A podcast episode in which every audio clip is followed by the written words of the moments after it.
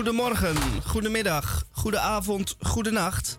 En dat is volledig afhankelijk van daar, waar en wanneer u naar ons luistert. Radio Dieprik, aflevering 1725, 26 van vrijdag 4 november.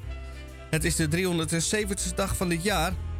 En dat betekent dat er nog 51 dagen te gaan zijn tot kerst. En nog 58 dagen tot 2023. Deze uitzending van 2 tot 4 uur in Groot Amsterdam en elders. Wat heeft Radio Dieprik deze week voor u in petto? De DCVM, de column van Misha. En dat ben ik zelf. En wij van Radio Dieprik adviseren Radio Dieprik. Dus maak ik van deze gelegenheid gebruik om mijzelf aan te kondigen. Deze week een historische column. Dan hebben wij ook nog de Groene Amsterdammer. En die is gelezen zoals iedere week door Tamon J. van Blokland. Goedemiddag, Tamon. Hi Michel, wat fijn, wat heerlijk dat ik er weer ben. Uh, en, ook jij, ook, dat jij er ook uh, bent, dat vind ik ook leuk. Maar uh, inderdaad, we wachten straks op je column. Historisch, zeg jij. is dat, duidt dat op zijn, op zijn leeftijd of duidt dat op historisch belang? We zullen gaan straks horen vanuit jouw mond. Ehm, een column, altijd fijn om te horen. Um, dan, de Groene Amsterdammer, natuurlijk. Dat doen we al jaren, jaren, jaren, jaren. Zelfs lang voordat de Groene Amsterdammer zelf, het medium Radio CQ een verhaal uh, ontdekt had. Um, maar fijn, dat, komt natuurlijk altijd. Nou, wij zijn de eerste geweest en, uh, en we blijven dit doen. Blijven dit doen. Uh, elke week heeft u er recht op tenslotte. Uh, we hebben een filmrubriek in, in Radio Dieperik. Mm, en die gaat dan, dan ook over, deze week, over de ITVA. Over twee weken is er ITVA het internationale documentaire festival in Amsterdam. Er worden enorm veel films gedraaid en je moet heel goed door die, uh, door die agenda's heen ploegen om uh, leuke dingen te vinden. Maar die zijn er wel. Er zijn, er zijn er prachtige dingen te zien. En natuurlijk ook een gezellige hoeveelheid rotzooi. En daar kunt u dan lekker weer omheen. Maar dat is even, moet u even doorheen en de recensies lezen en goed lezen. En uh, dan kunt u uw eigen, uw eigen setje samenstellen. Heeft u vast een heerlijke avond of misschien wel meerdere. Waar u meerdere documentaires kan zien. Er zijn erbij, die zijn echt onafhankelijk, goed.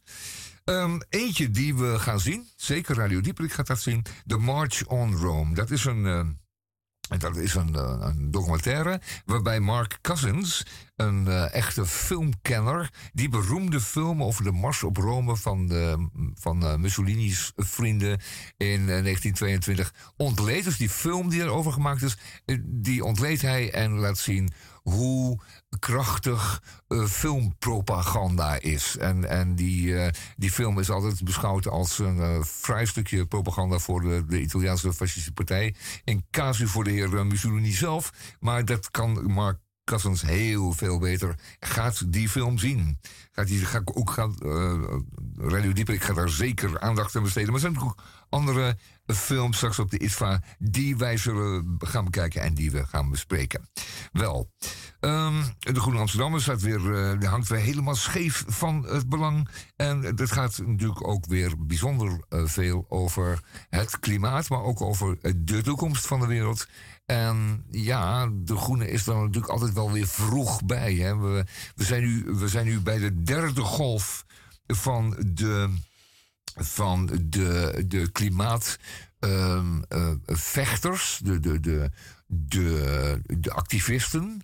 Uh, er is een eerste, een tweede, een derde golf. En die zien steeds duidelijker dat al die ontkenningen en al dat uitstel helemaal tot niets leidt.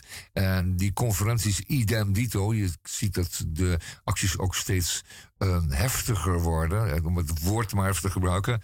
Um, meer uh, ergernis en meer opmerkzaamheid vragen.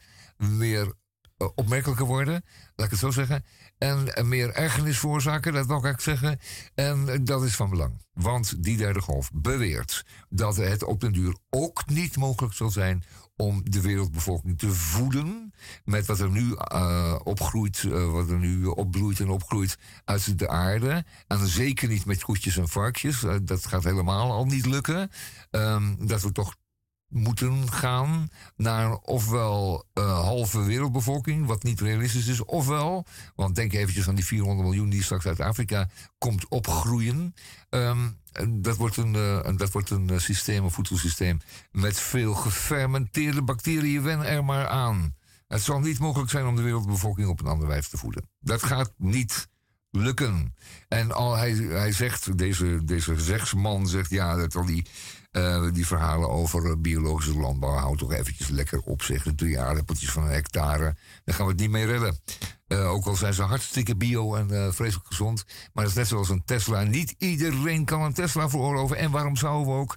Dat ding heeft al duizend kilo aan batterijtjes. AA-batterijtjes in zijn buik. En dat kan helemaal niet goed gaan. Dat is belachelijk ja, daar zijn we erg benieuwd naar. Niet al je kruid verschieten. Nee. Wij gaan uh, verder in de radio ook nog uh, uh, de wereld rond in de tweede uur. Oh, goed. En verder nog van alles en nog wat. En dan bij Radio Dieprik, eerst maar even dit.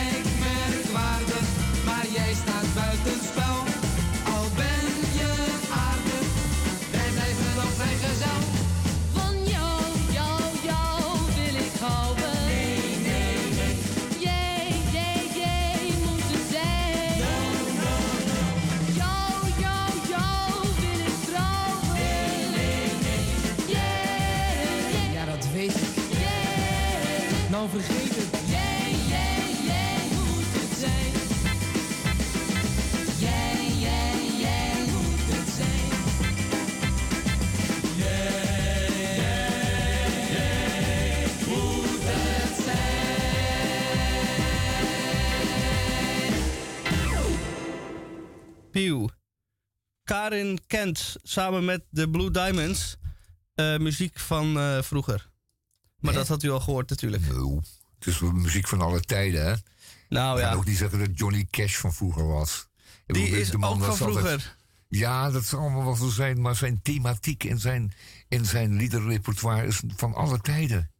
Hij ja, maar we hadden het niet over Johnny Cash, maar over oh, Karen Kent. Ja, sorry. Ja. En die is wel van vroeger. Ja, oké, akkoord. Net zoals Johnny Cash ook van vroeger is. Nou goed, krijg ik gelijk. Krijg jij gelijk. Um, ik was ook nog eventjes in uh, Bonn, maar dat zal ik straks ook nog even. Ook wel een gedenkwaardige reis weer geweest van een paar dagen. Bonn, B-O-N-N. Uh, aan, aan de Rijnoever, eventjes voorbij het Roergebied daar zo. Um, dat vertel ik allemaal straks nog. Een merkwaardig museum. Heel bijzonder. Heel bijzonder. Maar goed, uh, jij was ook nog in Duitsland de week daarvoor. Je had ook zo je verhalen over dat, uh, dat vreemde land aan de andere kant van Oldenzaal. Maar ik heb er ook weer. Ligt, ligt, ligt dichtbij. Je bent er zo, lijkt het. Maar als je dan eenmaal de grens over bent, dan begint er toch een eindeloze snelweg. En die gaat eigenlijk nergens, nee, overal naartoe. Die gaat overal naartoe en die is heel lang niks. En dan is er opeens iets. Ja. En de tijd, dat dat stuk ertussen is lang. Nou, knallen valt elke keer weer tegen. En, en als je denkt dat je de enige bent, vergeet het maar. Want er zijn drie banen. Die willen er ook allemaal die kant op. En ehm, Iedereen naar Bonn. ja, nou, in dit geval naar Bonn. Maar eh, noem een willekeurige stad waar ook dan iedereen naartoe gaat. Ga maar eens naar München. Dan moet je ook over de autobaan. Dan moet je ook met z'n allen. Het is altijd druk daar. Goed. Ehm, we hebben dus je column straks van Misha. We hebben natuurlijk de filmrubriek. Gaat over ITVA onder meer. Met allerlei tips en aanbevelingen. Zullen we ook volgende week doen. Want de ITVA is pas over twee weken. Maar u kunt natuurlijk nu wel alvast kaarten gaan kopen. Want eh, leuke dingen zijn altijd snel uitverkocht. Dat weten we wel. En er is een groene filmdag. Kunt u ook alvast kaartjes voor halen. Niet goedkoop, maar dan bent u een hele dag onder zeil. Eh Misha, ehm, dan Ja. gaan we nog op reis, neem ik aan, het tweede uur. Zeker. Ja. We, gaan- we zeggen nog niet waar naartoe. Nee, dat moet een verrassing. Dat is voor ons ook een verrassing hoor. Wij moeten ook echt ons eh, oriënteren. Absoluut. Maar ja, goed, dat gaat, gaat u ook mee maken met ons. Het moet een beetje spannend blijven. Wel, ehm Misha, nog meer. In het eh, eerste uur. Een hele hoop. maar eerst maar even muziek. Dan maar.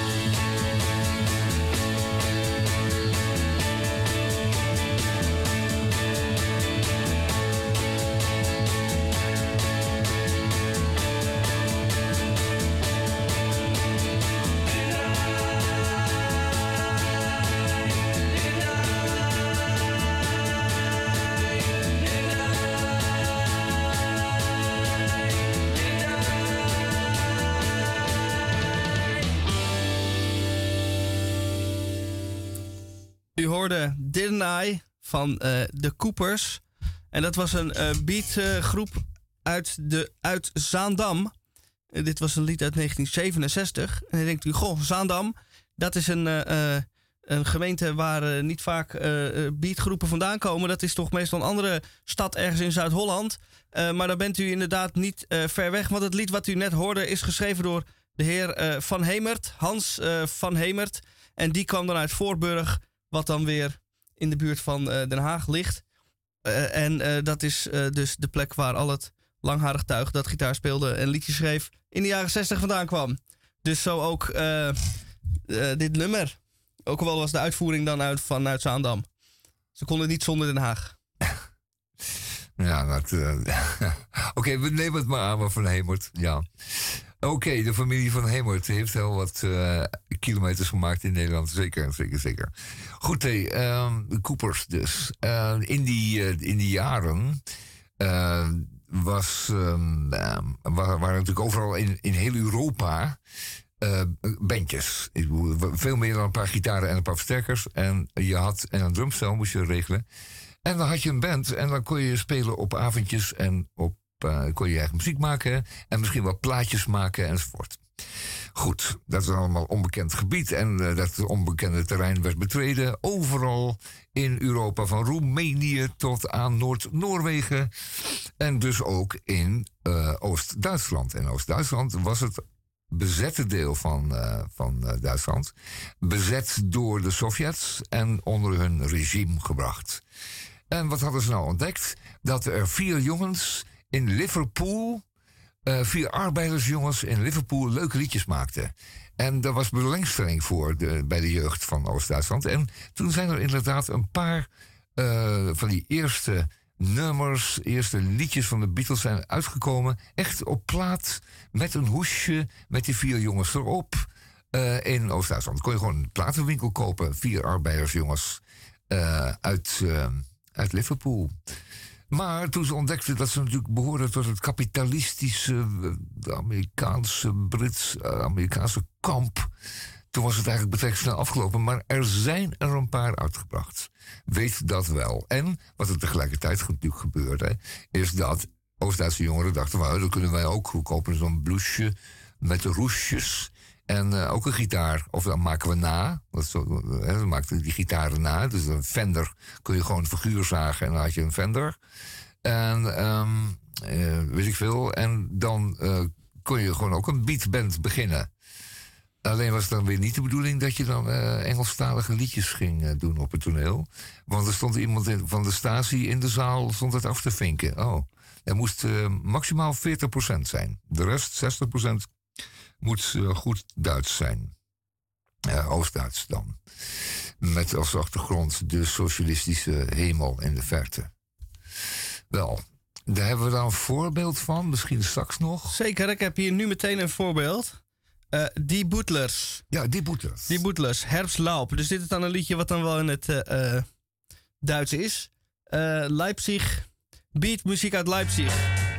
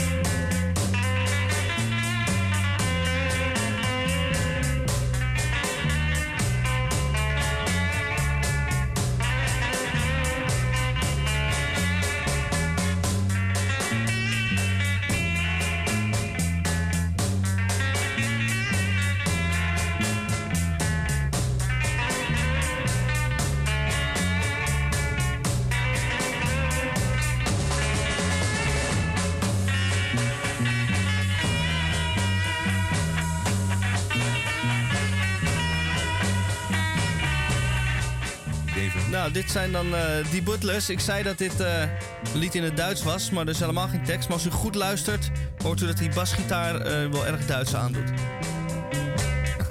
en zo klonk dat dan dus. Ja, we denken dat het allemaal varianten zijn op het beroemde nummer Telstar van de begeleidingsband van Cliff En die moest je dan socialistisch opschuifelen? Dat, Ja, dat, dat bleef allemaal binnen de perkjes dan. Die kun je je voorstellen in het verenigingsgebouw. Er waren enorm veel verenigingen in uh, Oost-Duitsland. En uh, daar waar de jongens en de meisjes konden dansen en uh, zwieren. En dan, dan, op deze muziek. Dat ging dan een hele avond door. Dat je er helemaal god helemaal knetter van werd.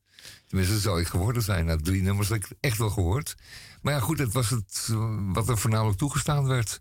Wel elektrisch en zo, met een drumstel, maar, maar lekker lullig. Lekker lullig. Zullen we Telstar nog maar even draaien als voorbeeld? Dan weten we het weer, hoe Zeker. het ook alweer klonk. Zullen we nu dan... eh, het is namelijk om, en- om en nabij kwart over twee. Oh, Toch alweer, ja. Alweer. Kanonnen. Dus dan wordt het langzamerhand tijd voor de Groene Amsterdammer. Ja, ja, ja, natuurlijk. Die ja. erg dik eh, aandoet deze week. Ja, er, komt, er zit een flink katern eh ITVA-nieuws in, of ITVA eh, voorbesprekingen van een aantal films die we moeten gaan zien. Onder meer die ene over de Mars op Rome. Ehm, eh, er, zijn er, er zijn er een goed aantal die natuurlijk al aanbevolen worden in de Groene Amsterdam. Maar dat zal volgende week ook het geval zijn. Want de Groene Amsterdam heeft een filmdag waar u nu alvast kaarten voor kunt kopen. En dat is eigenlijk elk jaar zo. Het is en blijft natuurlijk een documentaire festival. En het gaat al heel vaak over de rafelrandjes van de wereld. Niet de allermooiste stukjes van de wereld. Er zijn vaak nogal harde en ruige, rauwe reportages en documentaires. Onder meer deze wordt hier eventjes eh, genoemd. Eh, die heet, eh, dat is ook zo'n fijne, The Greatness Case. The New Greatness Case. En gaan we dat kijken? Nou, ehm, dat, is, dat gaat over Russische jongeren die proberen te ontsnappen aan de realiteit van alle dag. En nemen daartoe in het volgende: pregabiline, methadon, clomipyramide, fluxoxamine, chlorprotixeen, amyltryptyline, aprazolam, diazepam, eh, venazepam, codeïne, tramadol, trihexyfenadil, estaperacin, difenildramine, amfetamine. Nou, en je hoort wel, dat zijn allemaal eh, drugs uit het medicijnkastje gejat uit de apotheek of uit de ziekenhuisapotheek. En eh, aangezien die jongeren niet gezellig naar de koffieshop kunnen om een blootje te halen, gaan ze dus naar, ehm, naar dit soort middelen. En die worden dan in allerlei combinaties en allerlei eh, doses gebruikt om maar van de wereld te geraken. Wel, en daar weer een documentaire over. Daar word je niet heel blij van. Maar ja, het is nu helemaal met de ITVA. Het is niet allemaal bedoeld om leuk en om te lachen. Wel, How to Save a Dead Friend ehm, heet dan deze film. How to Save a Dead Friend. Een vriend die is onmiskenbaar op weg naar zijn einde. Goed, nou nog een heleboel films. Eh, lees dat lekker in de Groene Amsterdammer van deze week. Gaan wij niet doen voor u, dat moet u doen. Ehm, ik heb alleen eventjes over die eh, fantastische film over de mars eh, naar Rome. Eh, van Mussolini. En dat is eigenlijk wel iets wat ik moet even vertellen.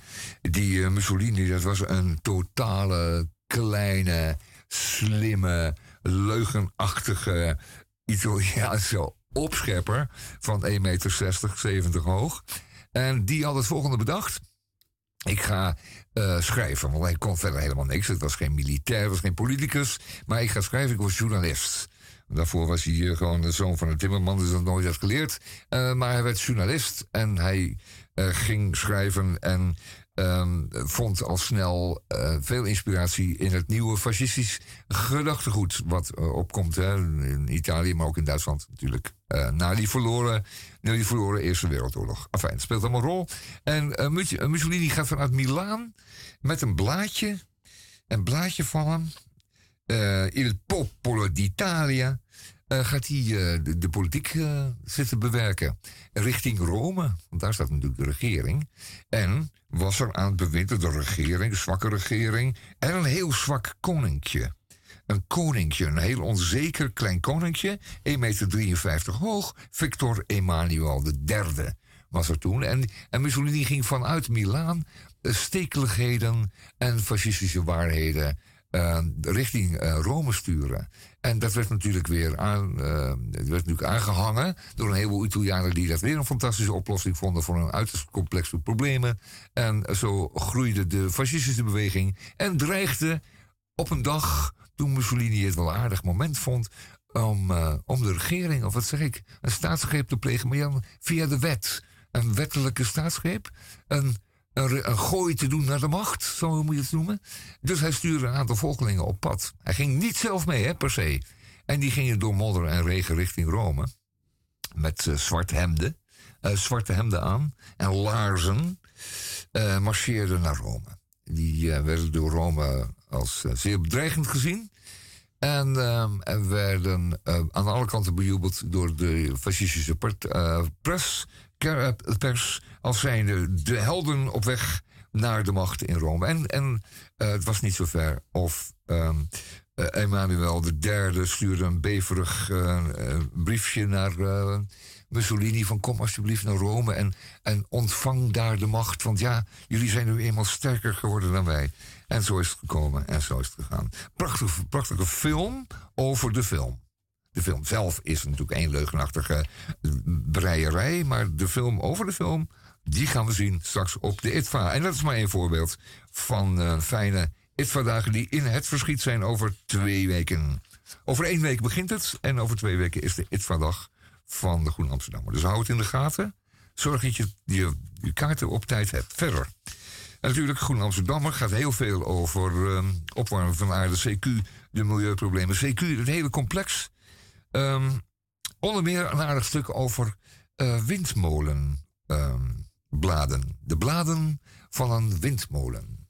Bladen van een windmolen, vaak uh, tegenwoordig uh, iets van 30 à 40 meter lang moet u eventjes een paar passen door uw huiskamer doen. Hè. Dan weet u hoe lang uw huiskamer is. Die is 8 meter. En dan vijf keer zoveel. Dat is een windmolenblad. Dat zijn enorme joekels. Maar wat is het nou?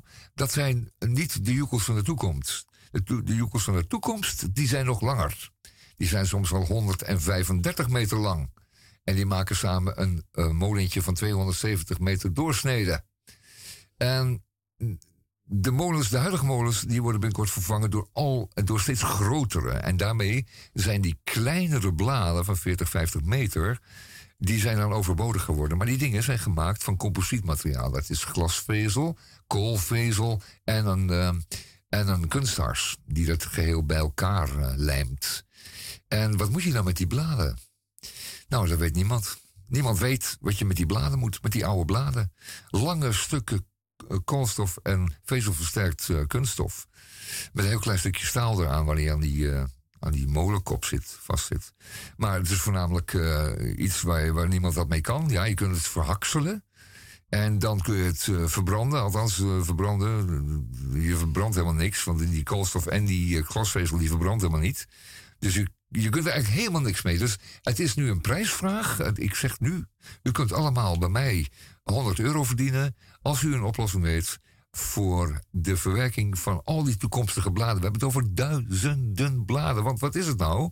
In de politiek zullen de windmolens niet zozeer bijgeplaatst worden, al wel vervangen worden door grotere exemplaren. Dus stel dat u uh, heeft toegestaan dat er in uw buurt een windmolen is gekomen te staan van bladen van 35 meter lang, zijn de 70 meter in doorsnede, dan staat er in ene eentje met bladen die nog twee keer zo lang zijn. Want daar hoeft niet opnieuw een vergunning voor worden aangevraagd. Dat heet uh, upgraden van uw windmolen. En dan blijven die kleine bladen over. En daar moeten we wat mee. Dus kortom, 100 pik te verdienen? Zomaar? Bedenkt u er zelf iets op. En uh, het is troep, hè? Laten we wel wezen. Het brandt niet. Je kunt er niks meer mee eigenlijk. Die kunststof die houdt al die vezels bij elkaar. Je kan eigenlijk geen reet mee. Goed, dat is een uh, wat drijf wat muziek. Want dat wordt zo'n... Uh, hè? Lekker. Doe maar. Lekker.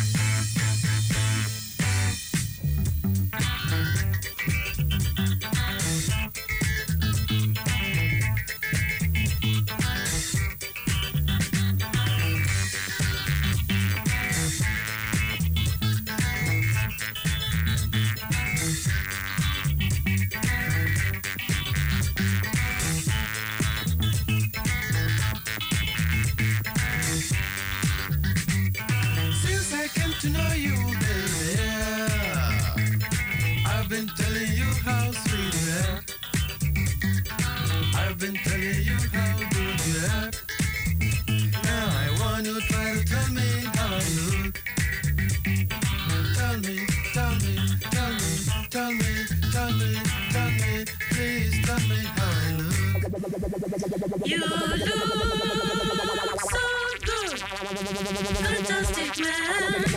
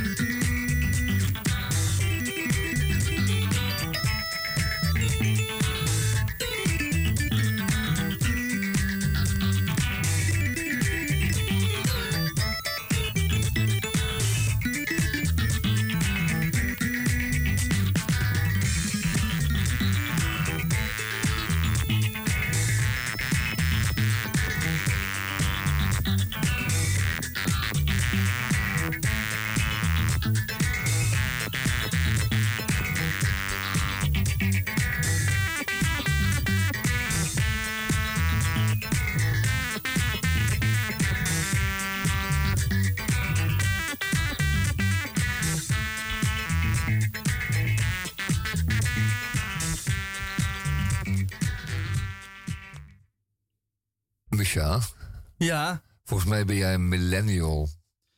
Uh, dat zou best eens kunnen. Ja, want dan ben je zo'n beetje uh, rond de 30. En, en je, hebt, um, je voldoet aan het cliché. En, uh, oh. en, voor enkele landen in de wereld geldt dat millennials van ongeveer jouw leeftijd. de laatste 30 jaar niks hebben meegemaakt wat wereldschokkend was. Geen schaarste oorlog of rampspoed. Alleen maar, alleen maar, uh, uh, alleen maar uh, vrede en, en, rust en, en, steeds meer en zo. Dus jullie zijn een verwende generatie geworden, dat wil het cliché. En um, zelf ingenomen en allemaal een beetje negatieve kwalificaties hebben u gekregen. Dat is niet fijn. Maar, maar gaat, doe het er maar mee. Ga jouw generatie toch ook? Dat het ja, alleen ja, maar meer en beter werd? Ja, ja, ja, ja precies. Ja, want ik ben een echte boomer. Dus ik heb het uh, niet alleen maar allemaal gekregen... maar ik heb het ook nog een keertje allemaal verpest. Ook nog? Dus ja, ik heb twee dingen. Ja, ik heb eerst heb ik genoten. En toen ik uitgenoten was... Toen heb ik het nog eens een keertje allemaal verpest voor, uh, voor die generaties die na mij kwamen. Je hebt het opgekoud en uitgespuugd. Ja, en weggegooid en uh, verveeld was ik. Ik was snel verveeld. Ik wilde telkens wat nieuws. En dat gooide ik dan op een bult. Cassette recorders bijvoorbeeld. Uh, dat gooi ik over mijn schouder. Zo'n cassette recorder was een, uh, even kijken, uh, eind uh, 80 jaren kostte dat ding nog 400 gulden. Of 450 gulden voor een goede stereo. Maar een paar jaar later kon je hem over je schouder gooien en dan wilde je wat nieuws. En nu wil helemaal niemand meer een cassette recorder of een CD-player. Die liggen ook allemaal op die bult. Dat hebben wij gedaan, wij boomers. En de millennials uh, die zijn van dezelfde zwakke laken en pak. Um, ze hebben in hun jonge jaren niets wereldschokkends meegemaakt, geen schaarste oorlog of rampspoed. Maar die vlieger gaat alleen maar op voor een paar gefortuneerde landen in Noord-Europa. Een heel klein stukje aarde. Dit is een uh, interview met een aantal mensen uit bijvoorbeeld Oost-Duitsland. Roemenië. die hebben het allemaal niet zo leuk gehad. Zeker niet. En voor hen kwam het allemaal niet meer goed. Die hadden die ellende op een bordje gekregen en die mochten ermee dealen. En dit vertel ik omdat ik gisteren in Bonn in het museum van de Duitse geschiedenis was. En Bonn was natuurlijk jarenlang, tussen de jaren 45 en 89, 90, was dat, het, uh, was dat de regeringszetel van uh, West-Duitsland. En toen de wende kwam, de Wiedervereinigung, de wedervereniging, toen is alles naar Berlijn verhuisd. En werd dat, dat de regeringszetel. Dus toen werd Bonn overbodig. En ze zaten daar natuurlijk met enorme archieven. En zeker die over die jaren 45, 89. De jaren dat Duitsland, West-Duitsland, nee, dat Duitsland verdeeld was in één West-Duits en één Oost-Duits deel. Wel, daar hebben ze natuurlijk een museum van volgegooid, want er zaten zoveel uh, documenten, foto's, affiches, schrifturen, uh, voorwerpen. Dat ze daar makkelijk een uh, museum van uh, konden volgooien. En dat museum gaat ook niet over de Duitse geschiedenis, maar het gaat over juist dat ene stukje 45, 89. Dat is heel erg boeiend. Want wat zie je dan? Dat men in Duitsland het Wirtschaftswunder als iets vanzelfsprekends heeft ervaren. En uh, dat was ze tenslotte verdiende, want ze werkten er hard aan. Hè, tenslotte, zes uur in de Opel naar het werk. En uh, zes uur thuis en hard schaffen elke dag. En die Oost-Duitsers, dat was een raar vreemd volkje achter de muur.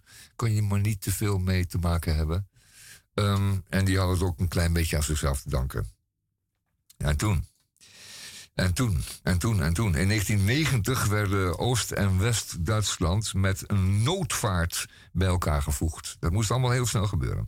Op de universiteit van mijn vader werd al het personeel ontslagen en vervangen door West-Duitsers. Hele fabrieken werden gesloten, duizenden werknemers verloren in één klap hun baan. Iedereen had een contract uit een land dat niet meer bestond. Dat Oost-Duitsland bestond niet meer. Hoezo? Heeft u een contract? Waarmee dan? Dan is het wel heel makkelijk om mensen te ontslaan. Nou, dit is nou een, iemand die dus dat vanaf 1990 heeft meegemaakt. Zo'n millennial die het helemaal niet zo fijn heeft gehad. Want die kreeg natuurlijk de ellende van zijn ouders op zijn schoot. Die had graag willen meedelen, maar die ouders waren ontslagen. Die hadden geen geld. Die moesten, lenen van, die moesten leven van wat gekregen Deutschmarken. En uh, werden geconfronteerd met een uh, totaal onttakeld vaderland. Waar de West-Duitsers natuurlijk gewoon uh, rondreden. En zeiden: Kijk eens wat grappig. Wat grappig dit en wat grappig dat. Een leuke Disneyland, socialistisch Disneyland. Wel, dat museum laat je zien hoe dat Oost-Duitsland heeft gefungeerd. En, en, dat is voor de, West-Duitsers natuurlijk een triomf om te zien. Want uh, dan zag je hoe maf het was. Hoe totaal maf en repressief het was. En je zag, en allemaal documenten tonen dat aan dat die repressie ook niet mis was. Je hoefde maar even je muil open te trekken. Of je zat tien jaar in een, uh, in een gevangenis. En tien jaar, ik was daar gewoon eenmaal tien jaar. Dan zat je er ook echt tien jaar. Dus er sloten kinderen op van 16. En die kwamen op een 26e pas die gevangenis weer uit. Uh, omdat ze uh, een zendertje in elkaar gesoldeerd hadden om toespraken van Honecker te verstoren. Bijvoorbeeld, ik noem maar wat, het bijna levenslang voor die gasten. Um, en dan had je er nog een heleboel overtredingen en dat was allemaal niet mis en de straffen waren navenant. Dat hele Oost-Duitsland, dat fungeerde wel, dat functioneerde wel. Um, maar uh, of het nou zo'n blij land was, nou ja goed, mensen hadden werk, een bestaan. Maar toen dat afgelopen was, uh, vond, uh, vonden de West-Duitsers het nodig om Oost-Duitsland, wat ik al zei, heel snel toe te voegen aan een eigen, een eigen landje om het uh, te verenigen met henzelf. En uh, richtte daarvoor de Trooihand op. En de Trooihand was een organisatie die uh, afrekende met het Oost-Duitse economisch kapitaal. Fabrieken, organisaties enzovoort, enzovoort, enzovoort. En die Trooihand was goed in om die fabrieken en die installaties en die structuren te verkopen aan opkopers, zal maar zeggen, van over de hele wereld. Waaronder ook veel Russen en, uh, en West-Duitsers. En dan werden die fabrieken leeggehaald. Daar restte niet anders dan een hoop schroot.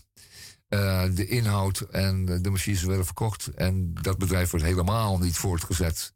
Dat uh, voorkomen. Die fabrieken staan er nog, die loodsen staan er nog. Reis nu maar rond in Oost-Duitsland. Staan er altijd nog 30 jaar later. Um, dat is een, wat ik al zei, een interessant museum. Donkel Duitsland werd Oost-Duitsland genoemd. Donkel Duitsland. Een zogenaamd grappige naam voor de plek waar alle barbaren wonen. Ja, nogal logisch dat die. Dat die. Uh, dat, uh, dat de neofascisten daar uh, een, een mooie opkomst maakten in die jaren.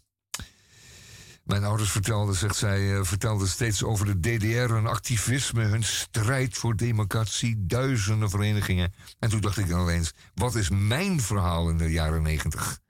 En dat was ik dat ik fucking bang moest zijn in een stadje vol nazi's. Ik ga het er verder niet over hebben. Het is een beetje somber. Um, het is eigenlijk helemaal niet grappig. Maar gaat u, als u in de gelegenheid bent, dat eens een keer bekijken. Um, en daar hou ik het een beetje bij bij de groene van deze week. Misha, gelukkig maar.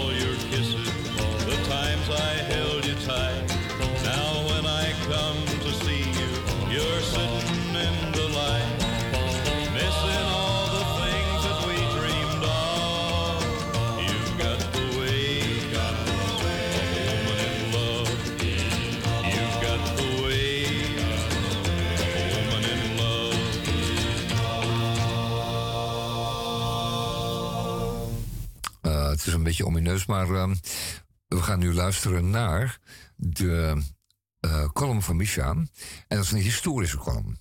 Historisch vanwege het belang in de geschiedenis. En ook historisch of vanwege het feit dat hij hem jaren geleden, want Micha is al jaren, uh, jaren bij ons, jaren geleden al heeft uitgesproken. Um, Micha, ben je zover? Of wou je nog iets zeggen over Johnny Cash? Nee. nee. Oké, de column van Micha, alstublieft. Het was gisteren donderdag. Dat zal u niet ontgaan zijn. En op de donderdag die wij gisteren meemaakten, was er een voetbalwedstrijd in de arena. De wedstrijd ging tussen Ajax en Celta de Vigo uit Spanje. En dat betekent dus dat Amsterdam weer volstroomt met supporters van de uitspelende ploeg. De ervaringen met deze supporters zijn op zijn zachtst gezegd wisselend en eigenlijk gewoon ronduit slecht te noemen. Op de Nieuwmarkt heb ik al menig supporterscharen zien samenkomen. De ergste zijn de Engelsen en de Oost-Europeanen. Ik heb terrasstoelen door de lucht zien vliegen, mensen met elkaar en met de politie op de vuist zien gaan, overmatig drank- en drugsgebruik en lawaaierige spreekhoren. De laatste tijd is het zelfs zo dat de terrassen naar binnen gehaald moeten worden en de cafés alleen plastic bekertjes mogen gebruiken om de dranken in te schenken. Vandaag is het dus de beurt aan de Spanjaarden. Om een uur of drie arriveren de eerste ME-busjes op de Nieuwmarkt. En niet veel later druppelen de eerste Celta de Vigo supporters het plein op. Ze zijn te herkennen aan de clubkleuren: lichtblauw en wit. Gek genoeg blijven de terrassen staan en wordt het bier gewoon in glazen geserveerd. Naarmate de dag vordert en de aantal supporters toeneemt, heeft de ME met vier busjes op volle sterkte en kan het feest beginnen. Maar er gebeurt niet veel. Men drinkt wel bier en er klinkt af en toe een olé in koor. Maar de vechtpartijen laten nog op zich wachten. Nou is het niet zo dat ik hoop dat het gebeurt, maar het feit dat het rustig blijft verbaast mij toch wel enigszins. Opvallend is het ook dat de supportersgroep zeer gemeleerd is. Waar het normaal uitsluitend jonge mannen betreft, zie ik nu zowaar ook hele families over het plein lopen. Kinderen, vader, moeder en zelfs opa en oma zijn naar het koude Kikkerland afgereisd om de wedstrijd te komen aanschouwen. Ze maken er een heus familieuitje van. De wedstrijd komt steeds dichterbij, maar nog steeds zie ik geen tafels en stoelen door de lucht vliegen. Kom op jongens, de tijd begint te dringen.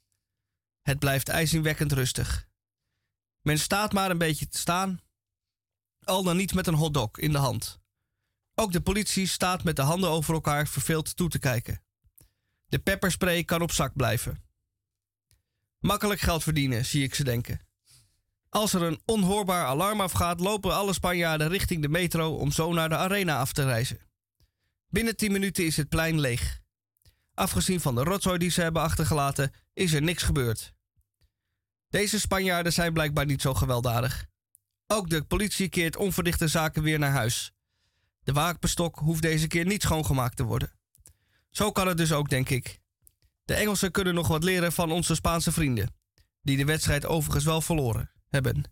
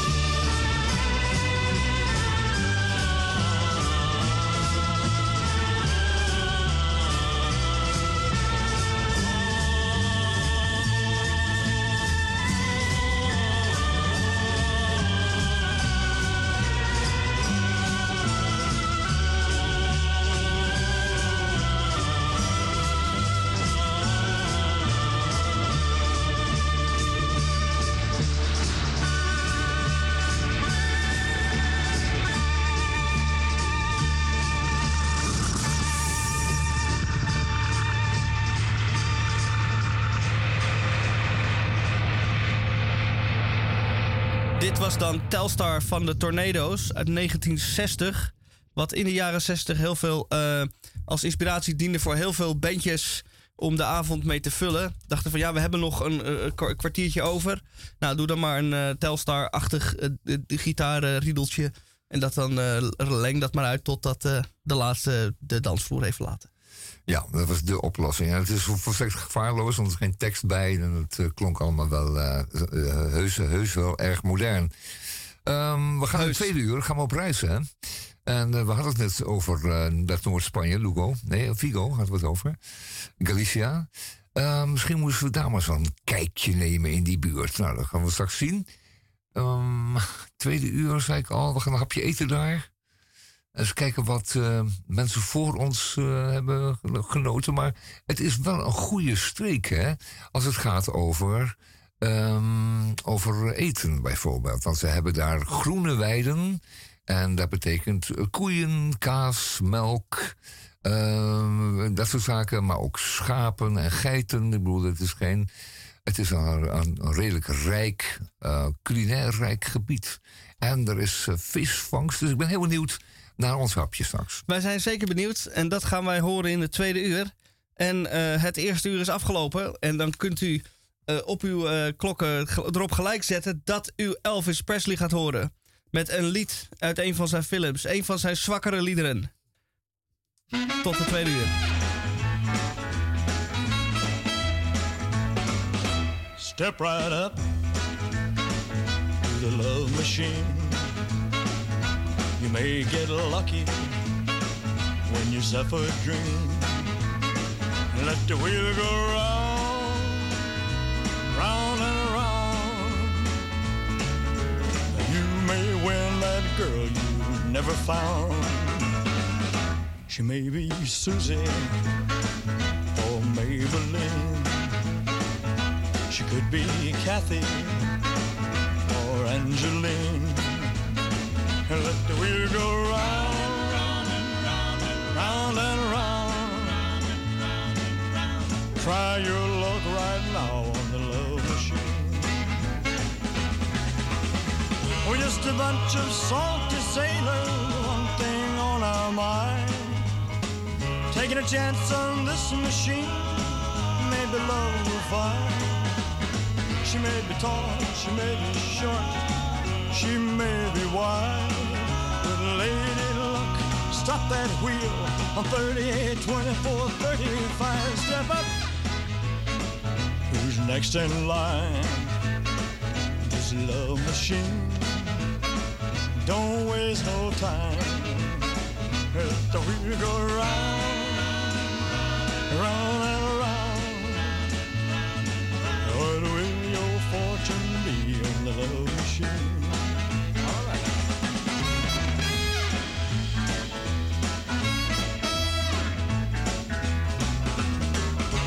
A bunch of salty sailors, one thing on our mind.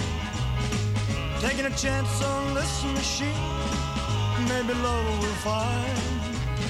She may be tall, she may be short, she may be wide. But lady luck, stop that wheel on 38, 24, 35. Step up. Who's next in line? There's a love machine don't waste no time. Let the wheel go round, and round, round, and round, and round, and round, and round. What will your fortune be on the love machine? Uh-huh.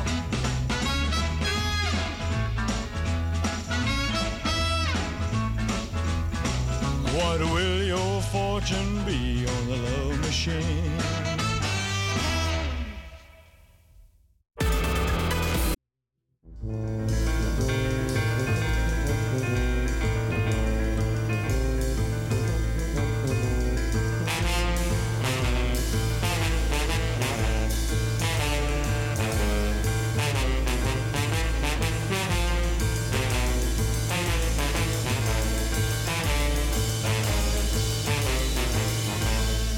Goedemorgen, goedemiddag, goedenavond, goedenacht. En dat heeft alles te maken met daar, waar en wanneer u naar ons luistert. Radio Dieprik. Op vrijdag 4 november 2022. En wat hebben wij allemaal nog voor u in het tweede uur? Wij gaan de wereld rondreizen. We hebben al verklapt dat wij naar eh, Zuid... Nee, Noordwest... eh, Zuid-Europa en Noordwest-Spanje gaan. U weet wel, dat eh, stukje Spanje daar zo boven Portugal. En dan bij Radio Dieprik. Eerst maar even dit.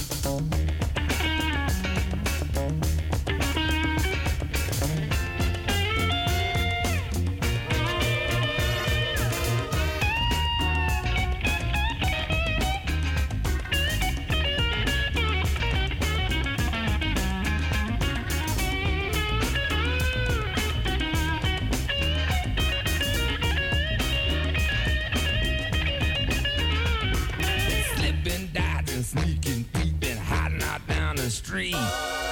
See my life shaking with every who I meet. Refried confusion is making itself clear.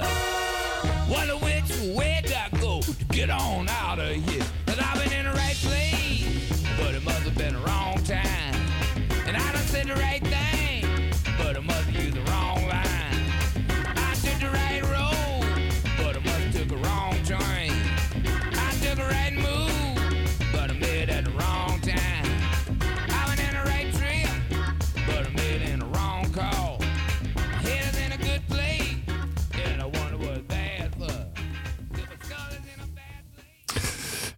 gisteren ehm, in the right place, in the, in the right time ook. Eh, gisteren was ik ehm, in het eh, Wetenschapsmuseum in Bonn. En daar, en daar ehm, is verzameld eh, de allerhoogste tech van de, laatste, van de laatste tien jaar, laatste twintig jaar. Het gek dat het overgebleven is van alle overheidsdiensten die vertrokken zijn uit Bonn. En nadat het jarenlang het centrum was van eh, de regering. Dat heb ik net verteld. Maar overgebleven is een wetenschappelijk instituut. En ehm, dat bepaalt in uh, Noord-Rijn-Westfalen, maar ook in de rest van eh, Duitsland. welke kant het op moet gaan met eh, onderzoek en de wetenschap in het algemeen. Wel, daar wordt gecoördineerd, daar wordt gecongresseerd, daar wordt. eh, en daar wordt verteld. En daar is natuurlijk een eh, wetenschappelijk museum eh, rondomheen gebouwd, een collectie. Met wat er eh, hot is en eh, happening. En, daar was een opstelling. Eh, aanvankelijk ziet het eruit als een soort kindermuseum, een soort Nemo, maar dat is zeker niet. Totaal ongeschikt voor kinderen. Totaal. Het eerste stuk gaat natuurlijk over, ehm, over materiaalonderzoek, over deeltjesfysica enzovoort. Maar het tweede deel ging over artificiële intelligentie. En daar hadden ze een paar werkende, een paar werkende installaties. Dat wil zeggen dat meestal in wetenschappelijke musea er gewoon een model wordt gebouwd, het plexiglas. En dan, dan, zie je dan met een paar behulp van een paar knoppen en een koptelefoon wat de werking is of wat het principe is. En dat wordt dan zo uitgelegd. Dan denk je, oh, ik ben wat wijzer geworden, ik snap het nu een beetje. Maar daar hadden ze werkende installaties staan. Daar, stonden een, um, daar stond een rekke computer, stond daar uh, rood heet te wezen. Daar werden heel wat um, handelingen uitgevoerd. Wat elektronische handelingen. Want, wat was het nou? Men had een opstelling gemaakt, heel eenvoudig. Een aantal uh, kunststoffen uh, beestjes, diertjes. Je kan speelgoeddieren. En die werden dan stuk voor stuk voor een camera geplaatst. En die camera die keek dan naar dat beestje en probeerde er iets van te bakken. En die die uh, computers, die, uh, die, elektronica, die was gevoed met uh, gedeeltelijke kennis van hoe dieren eruit zien en wat het dan eventueel zou kunnen zijn. Dus je zet er een dier in de, camera, in het camerabeeld, en dan mag die computer uitvogelen wat het dan voor dier is. En dat is een kwestie van beeldbewerking, van allerlei handelingen, van zelf leren, van, van neurale netwerken, van neurale operaties. Eh, maar vooral wat ik zeg, zelflerend. Hij kan dus elke keer een uitkomst genereren die hem dichter naar de oplossing brengt, maar daar ook weer opnieuw een aantal parameters opnieuw voor opstellen om te kijken of hij met een ander uitgangspunt van waarden tot een beter resultaat kan komen. Iets wat, wat more likely is, wat, wat meer zal lijken op de uitkomst. En dat is een werkelijk imponerend uh, gebeuren. Dat gebeurt er op zeven grote schermen voor je neus. En die, uh, die staan allemaal te knipperen en te werken en te, en, te, en te, vergelijken en te denken. En dan op een gegeven moment komt er een, uh, een statistiek uitrollen en die zegt: um, Dit voorwerp is waarschijnlijk een dat en dat. Nou, Um, nou had de, de computer enige kennis van, uh, van een aantal dieren. En uh, in bijzonder van de hondenrassen en hondentypes. En dan al vergelijkend en calculerend en, en rekenend kon, ze, kon deze computer in de buurt komen van een, uh, van een oplossing. En die was toch wel verbazingwekkend goed vaak sta je toch wel enorm van te kijken. Ik zou alle jonge ouders op willen roepen om minstens één van hun kinderen uh, kunstmatige intelligentie uh, te laten leren. Of een opleiding kiezen waar dat bij van pas komt of waarbij wordt onderwezen. Want dit is een techniek en een technologie waar u binnen de kortste keren helemaal niets meer van snapt. Het is werkelijk buitengewoon ingewikkeld. Het is heel vergaand. Het heeft alles te maken met de manier waarop we machines in de toekomst zullen gaan gebruiken. En deze technieken worden op dit moment ontwikkeld. En die hebben zo hun kwalijke, of laten we zeggen, verdachte kant in. Dat mag je rustig zeggen. Want als je nu eens een gezicht uh, voor de camera brengt. En de computer, de machine, weet niet wie, van wie dat gezicht is. Maar die zou dat graag willen weten. En die kan dat dan ook met behulp van deze technieken uh, analyseren uit een onvoorstelbare hoeveelheid andere gezichten. En dat is een, een, een kwestie van gezichtsherkenning, zou je zeggen. Van vergelijk gewoon dat ene gezicht met alle gezichten die um, er zo voorkomen. Uh, die hij uh, als het ware op voorraad heeft. Maar dat gezicht is niet naar dezelfde kant gericht. De ogen zijn anders gericht. Het gezicht heeft een, of het hoofd heeft een andere houding. Het heeft ander haar en een ander hoedje op. En het is een hele andere omstandigheid. En dan toch weet die machine um, te analyseren, met het vergelijken en het zelf leren en het, en het, en het analyseren dat er een grote kans is dat dat gezicht, willekeurig gezicht op straat, in China, ik noem maar even wat, um, het behoort aan jou. En dat jij dat bent. En daar is geen uh, lieve moeder aan, want uh, jij bent het. Hè? Die machine heeft het wel uh, na heel veel rekenwerk wel geanalyseerd of wel besloten. En dat was een aardig voorbeeld. En dan ga ik zo weer over de muziek. Maar dit was een aardig voorbeeld. En wordt er um, met die beperkte kennis, want die is natuurlijk ook beperkt van een machine, die kan nooit alles weten. Hè? Die heeft niet alles op voorraad. Die kan het ook niet vergelijken. Er wordt een, een kunststof uh, voor de camera gezet. En dat is een paard. Um, en dat paard is bestippeld. Dat heeft um, bestippeld, uh, lijkt op zo'n zo'n painted horse. Uh, zoals ze in de Verenigde Staten wel gefokt worden. Maar dan meer met de stippels van een hondenras. Een bepaald hondenras. Die machine gaat aan het rekenen, gaat het vergelijken. Die gaan het, dit beeldbewerking uitvoeren. Dat is allemaal niet te geloven. Wat een rekenkracht dat kost en wat een ingewikkelde algoritme daar gebruikt worden. En hoeveel tijd het kost. Maar op een gegeven moment komt de machine tot de slotsom dat dit een Dalmatier moet zijn. Dat paard. Terwijl je ziet dat het een paard is, dat zie je op beeld.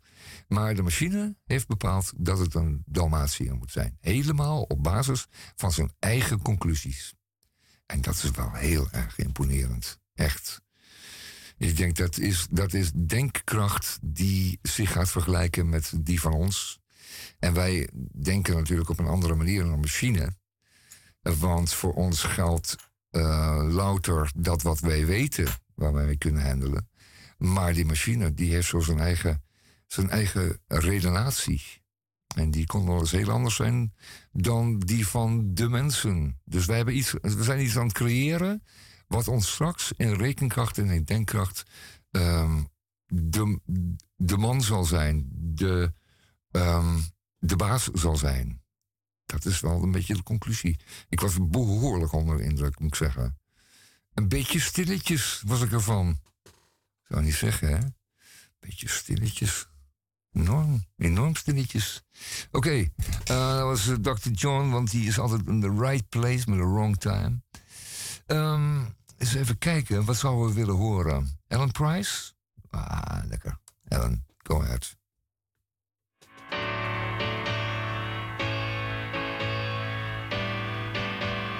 If you have a friend on whom you think you can rely, you are a lucky man. If you found the reason to live on and not to die, you are a lucky man.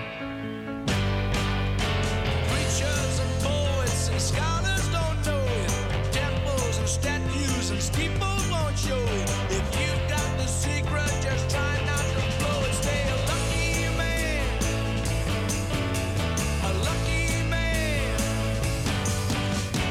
If you found the meaning of the truth in this world, you are a lucky man. If knowledge hangs around your neck like pearls instead of chains, you are a lucky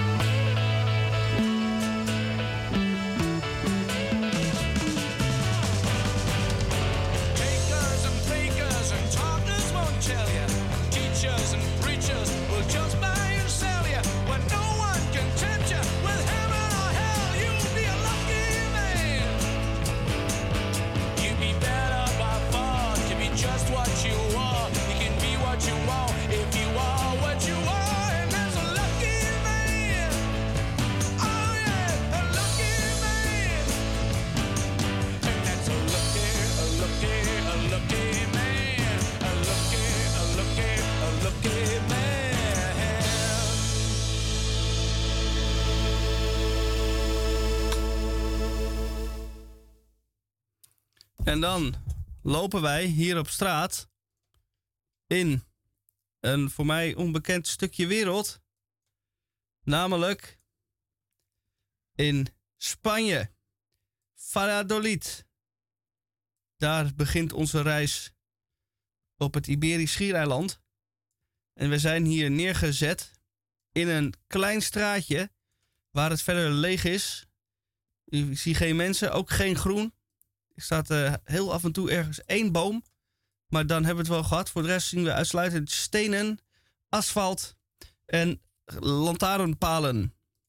En een stadsbus. Kijk, hier lopen al meer mensen, dus daar lopen wij dan ook maar naartoe. Ehm, en dan gaan wij op zoek naar iets om te eten. Want we hebben zo'n honger. En dan gaan we kijken wat Valladolid ons te bieden heeft. Bijvoorbeeld Confitaria Cubero. Dat is dan wel een beetje eh, zoetigheid. Maar daar hebben we wel trek in. Taartjes, cakejes. Oh, kijk. Hier nemen we een cakeje met hazel, eh, eh, walnoten erop. En een witte smurrie erin. En het servies wordt eronder geserveerd. Dat is mooi. Dus we hebben een mes en een vork. En daarop ligt dan het taartje. Dus dat, dat taartje staat een beetje scheef op het bordje. Ja, En dat heeft het voordeel dat als je dan dat schoteltje brengt naar de gast, dat het eh, bestek er niet afsodemietert. kijk. Dat is het voordeel ervan. Oh, dat is een goeie, want daar heb ik wel last van. Als ik dan eh, een Ja. kopje koffie moet uitserveren, dan valt het lepeltje wel eens. Maar dan leg ik het maar lepeltje zeker- gewoon onder eh, het kopje, dan blijft het gewoon liggen. Ja, maar vermits dat het kopje dan wel rechtop blijft staan met, met een plat taartje, gaat het heel goed. En je ziet dat vaak het mesje dan met het zware heft dan op de, op de stoep klettert. Dan kan je een mooie nieuwe gaan halen. Dus dit is wel een mooie oplossing. Een confitaria, zeg jij? Ja, Ja, er zit het woord confituur in. Hè? Dus moet je denken aan iets echt eh, zoets. En eh, het is een eh, banketbakker van eh, zeer grote klasse zo te zien. Hier krijg je dus echt trek van als ik dat zo even bekijk. Die kleurenfoto's van hun gebak en, eh en lekkere en heerlijkheden. zijn niet mis. We hebben een goede plaats gezocht. Laten we eens kijken wat de gasten ervan vonden. Zeker. Nou, Anna Maria Clemente, die was hier op zondag 16 oktober 2022. En zij schreef...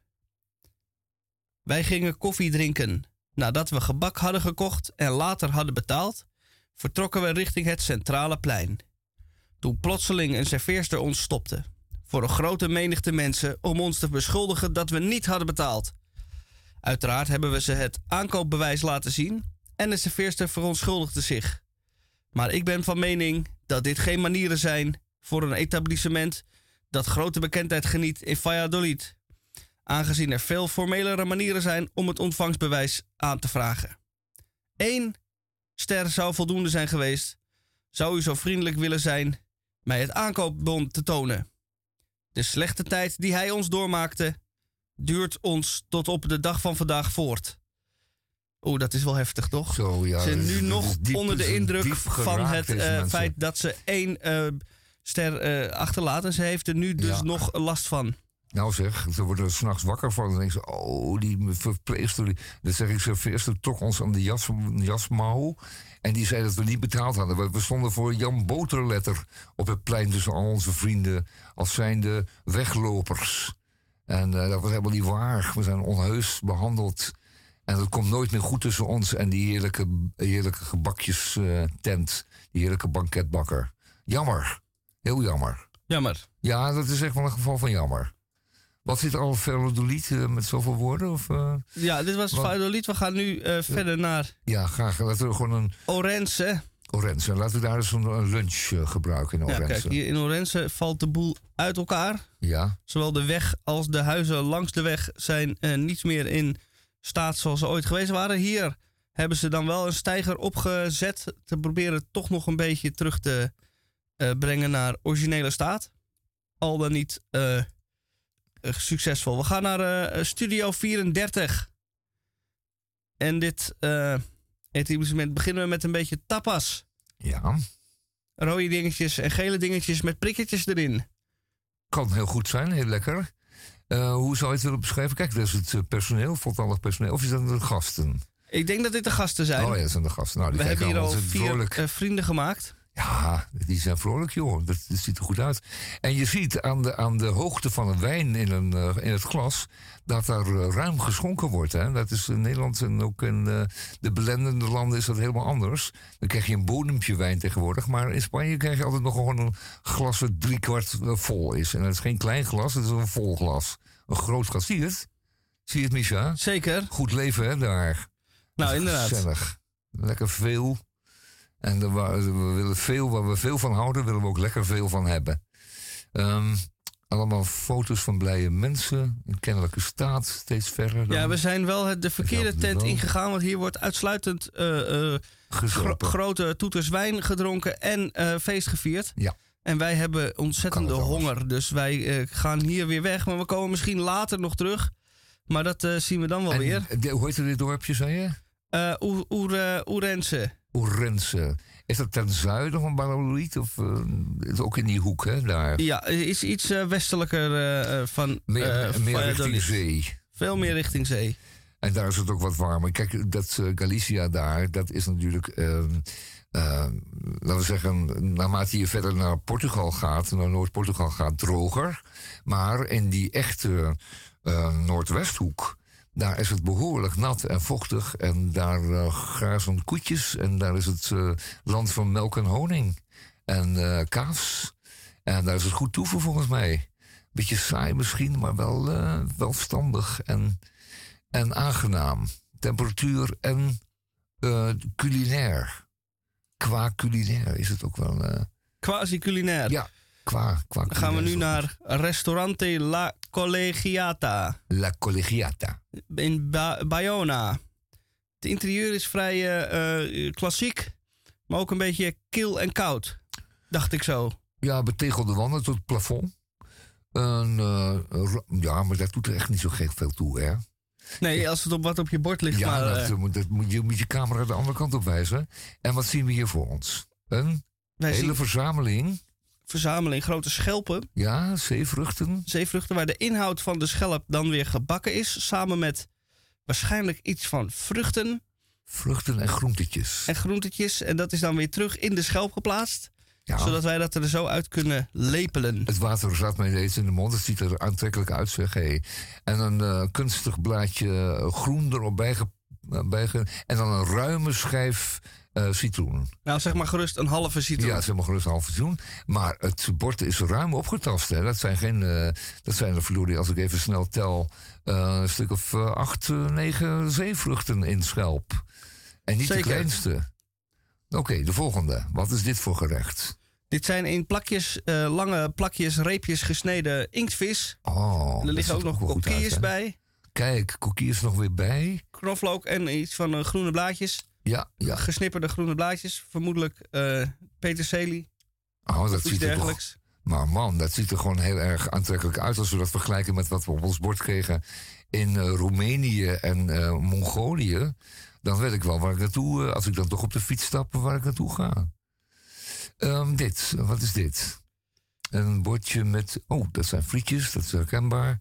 En dan een ruime schaal met eh, ook lekkers. Ehm, wat zullen we dat noemen? Een hoop saus. Ja. Met stukjes vlees vermoedelijk. Ja, dat ziet er goed uit. Ik denk dat dat eh, plakjes of, of zijn.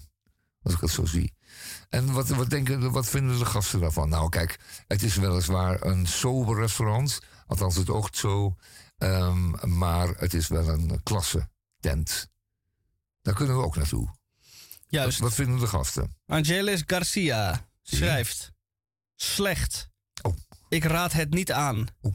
En als klap op de vuurpijl vind ik een haar in de zeevruchtenrijst. Hemeltje lief. Ik volg het naar de serveerster.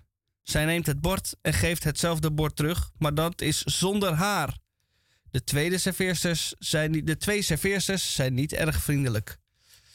Maar dit is natuurlijk wel, eh, als u zegt er zit een haar in mijn zeevruchtenrijst en die haar wordt er van ontdaan, dan is het probleem voor eh, Angelica nog niet opgelost. Niet. Ze willen een nieuw bord met nieuwe rijst. En die andere rijst die geef je dan maar aan eh, de volgende tafel.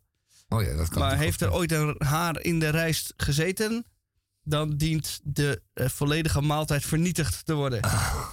Vanwege, je zou zeggen, wat een decadente onzin. En vanwege die ene haar. En dat is de haar van de kok, de serveerster. En dat kan natuurlijk altijd gebeuren. De mens eh, verliest eh, zo'n 100 haren per dag. En één ervan kan in zo'n bord vallen. En eh, meestal maak je excuses als eh serveerster. En zeg je, oh, dat is helemaal niet de bedoeling. En u krijgt een ander woord van mij. En dan zet je dat bordje gewoon weer terug. En dat lever je aan de volgende gast. Die weet van niks. En je vist die haar eruit. En dan is het probleem over. Maar ehm, deze mevrouw was er nam daar geen genoegen mee. Die kreeg haar, bordje, haar eigen bordje terug, maar dan zonder haar. Ja, ja, ja daar verschil- daarover verschillen de meningen natuurlijk. Er zijn mensen met een, eh, met een hygiënehandicap die zullen daarvan walgen. En er zullen zat mensen zijn die zeggen: Nou, eh, het maakt me nu eigenlijk geen. eh niet zoveel uit. Het is wel goed zo. Als het een leuke serveerster is met mooi haar, Dan, dan kan het nog reuze meevallen. ja, maar dan wel op het hoofd van de serveerster, niet in En je niet soep. In je soep. In je, Oh. of in je rijst. Hmm.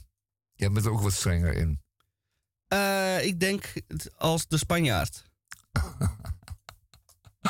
Nou, dat nog eens te worden. We, gaan, we blijven op zoek naar eh, een plekje. We kunnen wat aan zee zoeken nog. Of, of Ja, stadje. we zaten al aan zee, Oh, maar we kunnen nog, meer, nog een keer weer aan zee gaan. En dat is de Atlantische kust, hè? laten we wel wezen.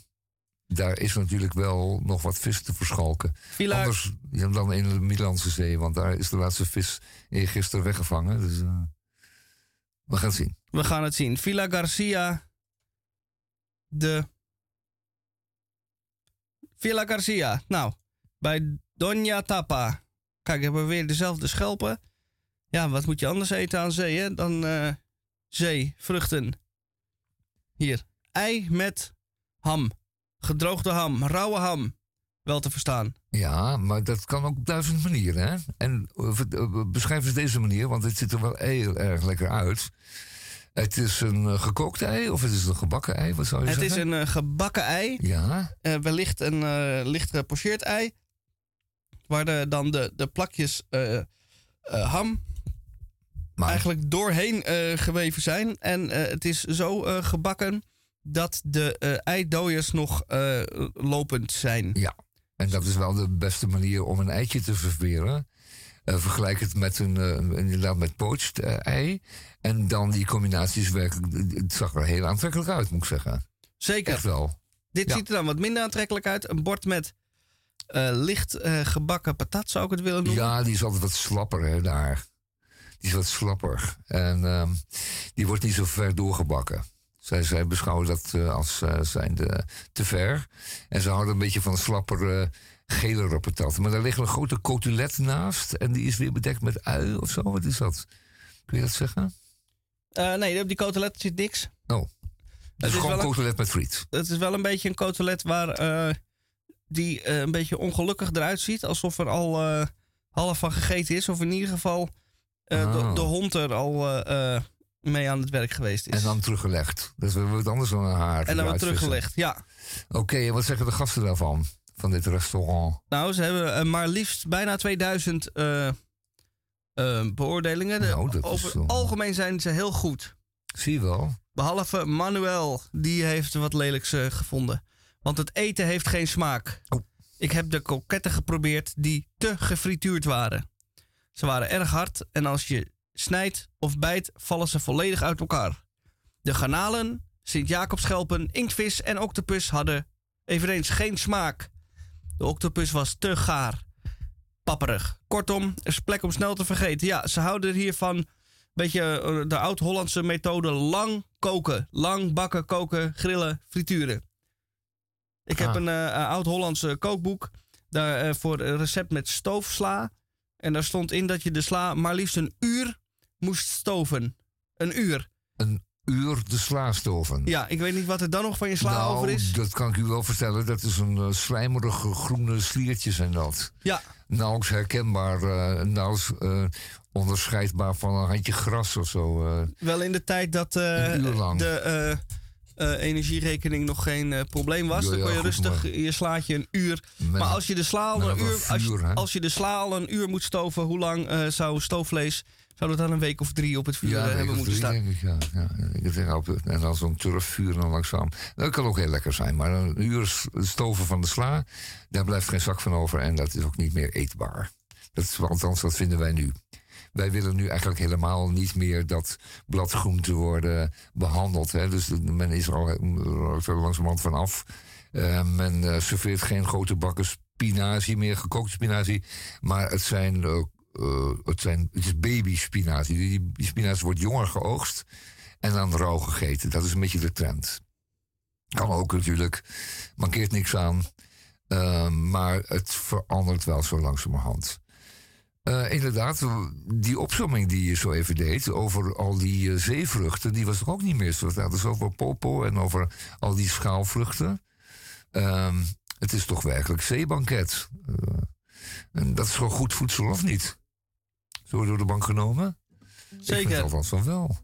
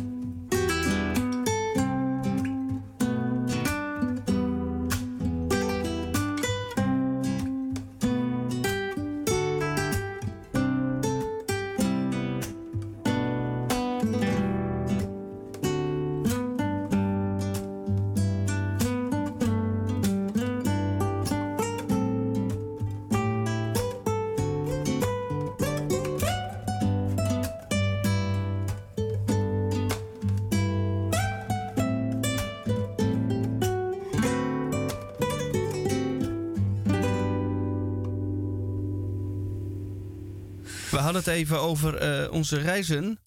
Want eh, wij gaan dan eh, vliegen over het algemeen. Want probeer anders maar eens in Mongolië terecht te komen. En wij weten nu ondertussen wel dat luchthavens in onze omringende steden, al dan niet in het buitenland. Denk aan Eindhoven Airport, Düsseldorf Airport, Brussel Airport. Dat daar de vluchten naar, nou pak een beet, New York. Eh, aanzienlijk goedkoper zijn dan eh, vanuit ons eh, Mokum Airport. Want daar betaal je toch al gauw eh, eh, eh, 100, als niet 200 euro meer. Maar waarvoor dan eigenlijk? Vragen wij ons af. Ehm, maar ja, we zijn dan ook weer te veel Amsterdammer om eerst helemaal naar Eindhoven te gaan.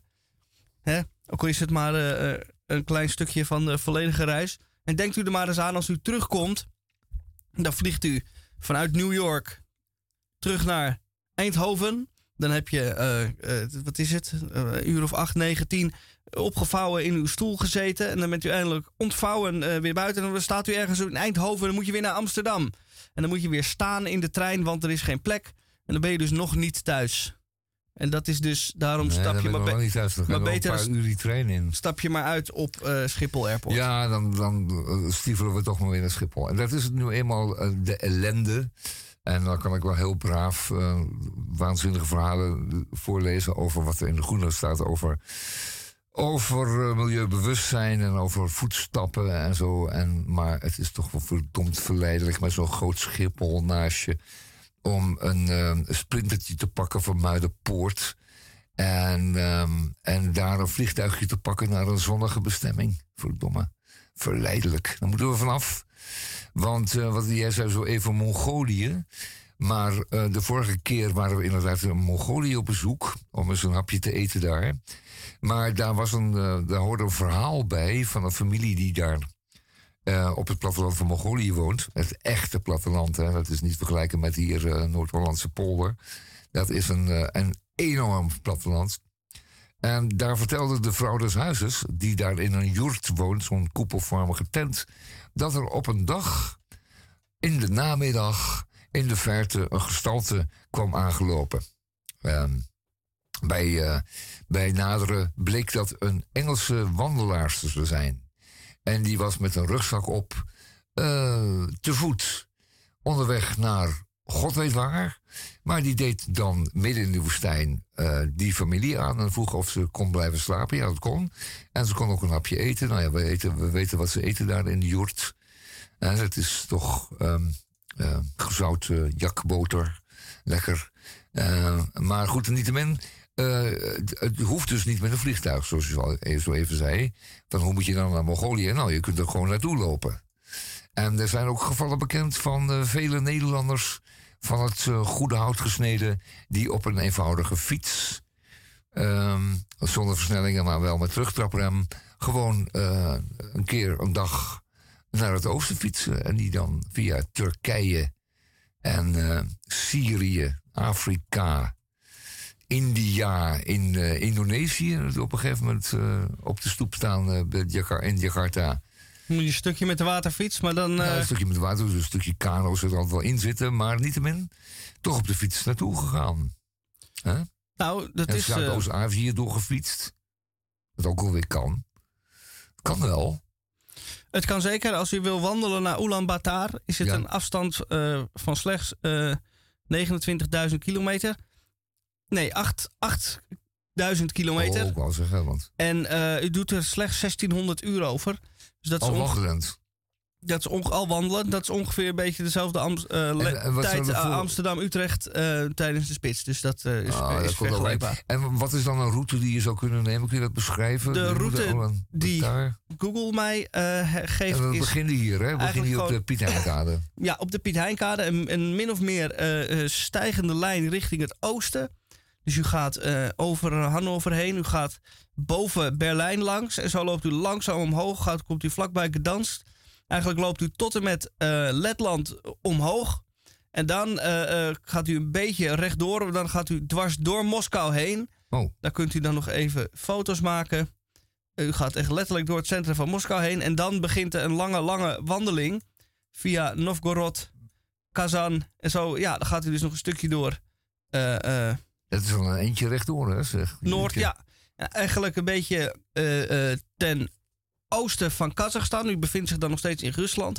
Daar uh, slaat u dan af naar beneden bij Novosibirsk. mist u die afslag absoluut niet. Anders komt u ergens anders terecht. Daar gaat u dan naar beneden. Dan is het nog slechts een kleine 100 uur lopen voordat u in Mongolië de grens over bent. Maar dan bent u er nog niet, want Ulaanbaatar ligt meer in het oosten. Dus dan moet u nog een klein stukje in Mongolië zelf maar goed, die laatste stukjes uh, zullen wel met bordjes aangegeven staan. Ik denk dat de ANWB... Ja, midden in de woestijn van Mongolië ziet staan. Zeker, ja, nou, dat, oh, dat ja. moet wel okay. geregeld worden, toch? Nou ja, en dan loopt u... En dan bent u na ongeveer 1800 uur, een beetje afhankelijk hoeveel foto's u maakt in Moskou, komt u dan aan in Ulaanbaatar. En uh, dan bent u daar. En dan kunt u daar jak puree eten. Ja, ja, ja met, met jakboter. Gefermenteerde jakboter. Lekker. Dat is een mayonaise, hè. Maar ik doe een frietje met de jakboter. Um, ja. Maar goed, het is gewoon te doen. Dat is eigenlijk wel gewoon de teneur. Het is gewoon goed te doen. Die, uh, ook, je kunt op Google gewoon uh, die reis intoetsen. En uh, zeker ook de wandelreis. En dan, dan kom je er gewoon. Dat is gewoon niet te missen dan. Je kunt niet meer fout gaan. Nee. Er, er is, geen, er is geen water over wat je niet over kan. je loopt gewoon maar alsmaar rechtdoor. Moskou door. En dan uh, Novosibirsk, zei je. En dan, dan, dan, moet je naar het zuiden. Dan moet u uh, naar het zuiden. En dan moet je de bordjes Ulaanbaatar volgen. Zeg jij. Oké, okay, nou wil je naar Australië, wordt het allemaal een stuk lastiger. En een ding als Nieuw-Zeeland, helemaal. Uh, dat is helemaal niet te kajakken gewoon. Dat kan natuurlijk ook wel weer, maar het is aanmerkelijk complexer. Nee, dan is Ulaanbaatar goed te doen. Zeker. Welcome aboard Benga Airways. After takeoff, we'll pump up the sound system because we're going to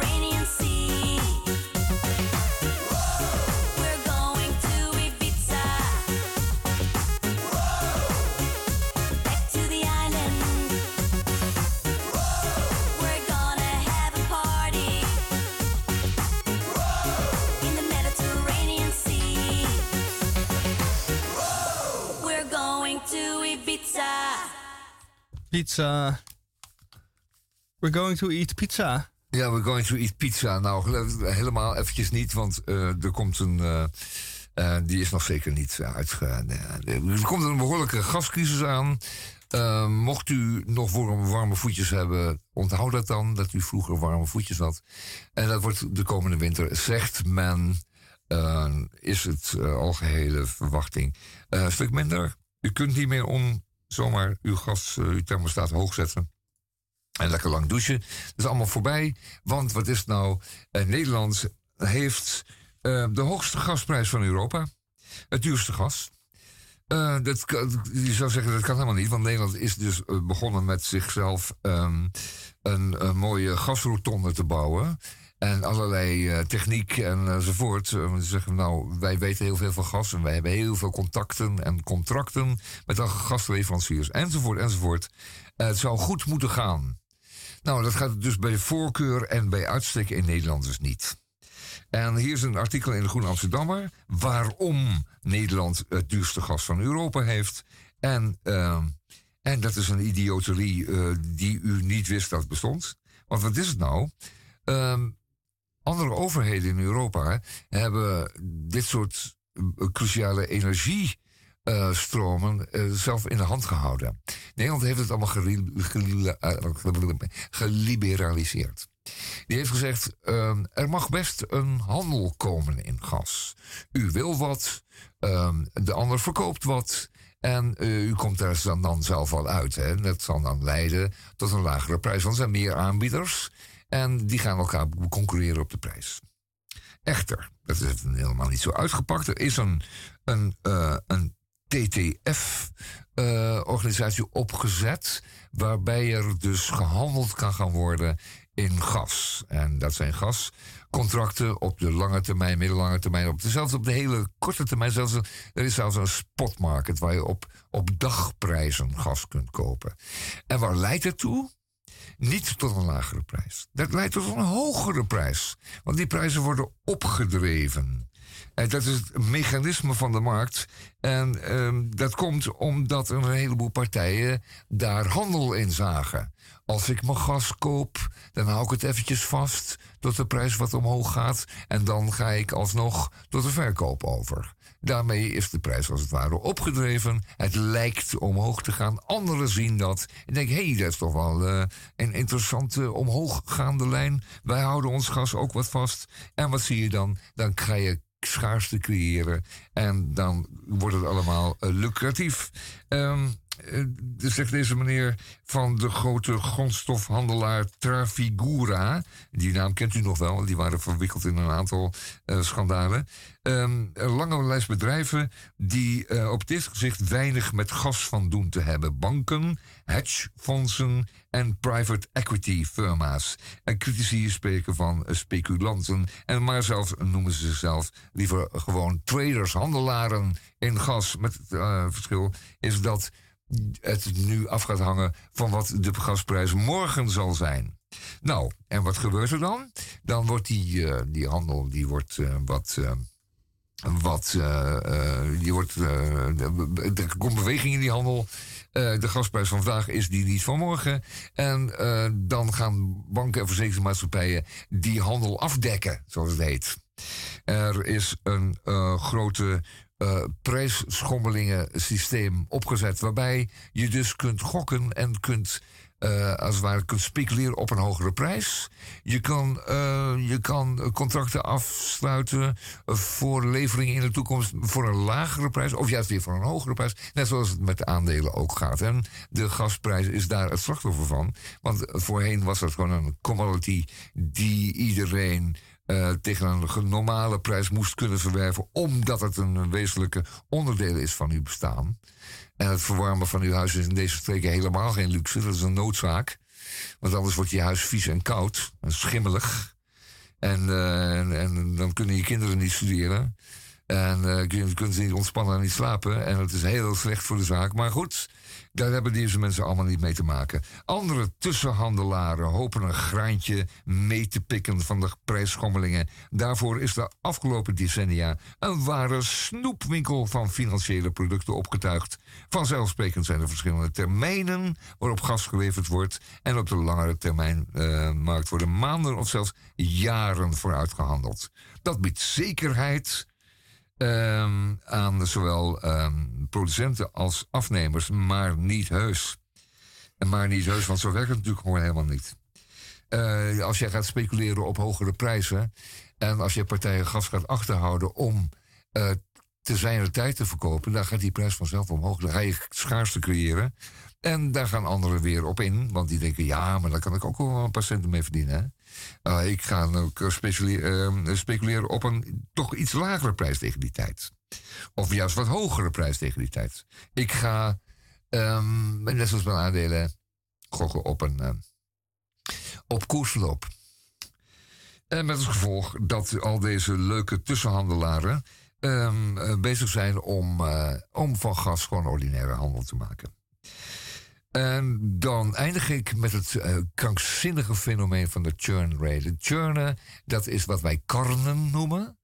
Uh, waarbij uh, melk wordt uh, rondgedraaid in een ton, room en uiteindelijk boter zal ontstaan. Dat is een aantal keren ronddraaien. Nou, churnen in dit geval is de Amerikaanse uitdrukking. En het betekent hoeveel keer een bepaald volume gas van eigenaar wisselt. Ah. Dus het komt uit de grond en het is in bezit van een Noorse staatsoliemaatschappij. En dat is dan de eerste keer. Dat is dan de eerste. Die gaat het verkopen. Het schijnt dat gemiddeld ons gas tussen het moment dat het uit de bodem wordt gehaald en uw huis binnenstroomt houd u vast, zo'n 100 keer van eigenaar is verwisseld. 100 keer. 100 keer doorverkocht. En elke keer Ja, wat denk je? eh, En dat wordt er niet goedkoper op, dat weet je ook wel. zakcentje voor de... Voor, Ja, voor de ja. ja. natuurlijk. Er zullen er een paar verliezen. Het is net als het casino. Er zullen er een paar verliezen op die prijs. Maar er zullen ook een heleboel mensen zullen verdienen op die prijs. Dat kan niet anders. Als ze gaan handelen. Dat is toch zo? Zeker. Ver- verkoop maar eens een paar schoenen voor 100 keer. Kijken wat het met die prijs doet. Garandeert niet goedkoper hoor. Mensen moeten toch allemaal verdienen? Ze hebben toch handelingen verricht? Ze hebben toch, ze hebben toch personeel in dienst? Ja, moet je eh, wel, eh, kantoorgebouw eh, gebouwd om dat, om dat allemaal in te kunnen doen? En waarom koopt handelaar 58 Ja. het niet bij verkoper 3? Of werkt het zo niet? Je Die, zoekt... die, die verkoper 3 heeft het al lang weer doorverkocht. Of die heeft het al vastgezet. Of die heeft het in een contract verbonden aan een langetermijncontract voor levering in, eh, in eh, 2030. Oh ja. Aan een, aan een eh, weet ik veel, een gastuinbouwbedrijf in het Westland. En ehm, daarmee, is het, ehm, daarmee is het in waarde gestegen. Gebaseerd op een gasprijs van dan. Ehm, en, en dan kom je er nu niet meer goedkoop aan. Dan zou je dus nu moeten bieden op dat gas. Je krijgt het niet meer zomaar los. Begrijp je? Het is allemaal prijsverhogend. Werkt dat? Mooi hè? Handel. Toch mooie Prachtig. handel. En nu gaat het betalen. Maar ik denk ook al, nou, ik betaalde eerst 100 piek en nu betaal ik 300 piek. Ja, dat, eh, dat kan. Op die manier. Dat, eh, dat gas wordt eh, op zee al verkocht. Die tanker is al zes keer, heeft er zes keer een andere eigenaar gehad. Die inhoud van die tanker. Ja, ja, fijn hoor. Top. Hartstikke goed. Bedankt. Eh, de minister, onze minister klaagde erover dat hij met 60, eh, met 60 energieaanbieders moest onderhandelen omtrent die gasprijs. Maar dat heeft hij allemaal zelf veroorzaakt. Want ehm, die eh, termijnmarkt en die, en die hele gashandel die bestond enkele jaren geleden nog helemaal niet. Die is gecreëerd om, om handelaren vrij spel te geven. Huh? Alles is handel. Alles is handel. Ja, alles is handel. En terwijl we hiermee, dit lijkt me een mooie afsluitende de g- quote om eh, de, de uitzending mee af te sluiten van vrijdag 4 november. En we hebben vorige week Hey Jude, nee, vorige week een lied van Bob Dylan eh, gezongen door Elvis gedraaid. Daarvoor, de week daarvoor hebben we Hey Jude gedaan. En nu eh, gaan we nog een treetje lager, want nu eh, gaat Elvis eh, wederom een liedje van de Beatles, nee, van Bob Dylan, ik ben helemaal in de war, eh, bewerken, verwerken. En dat don't, don't think twice, it's alright. Don't think twice. En af en toe is hij de tekst vergeten, maar dat geeft niet. Want, eh, eh, ja, geniet Het hier maar blijft gewoon van. overeind, zou je kunnen zeggen. Met een beetje Eh, moeite. Laten we het daar, ja, zoiets. Tot volgende week.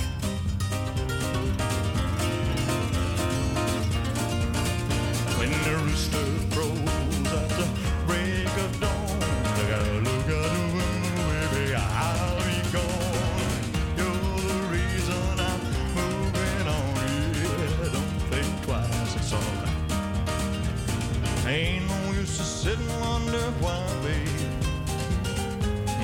matter anyhow.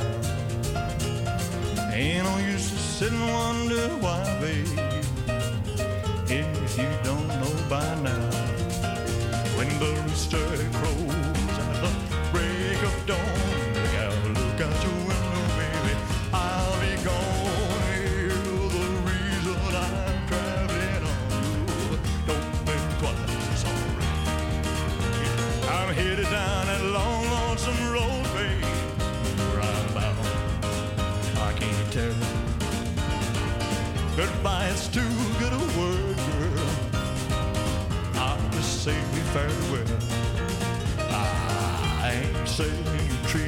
me unkind.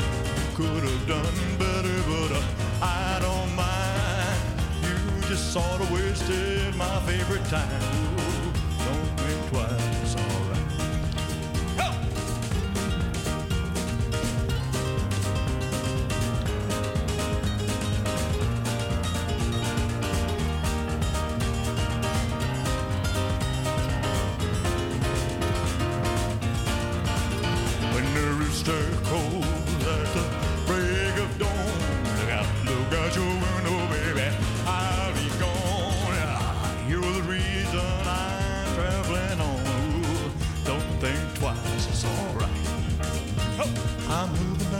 Lonesome road, girl.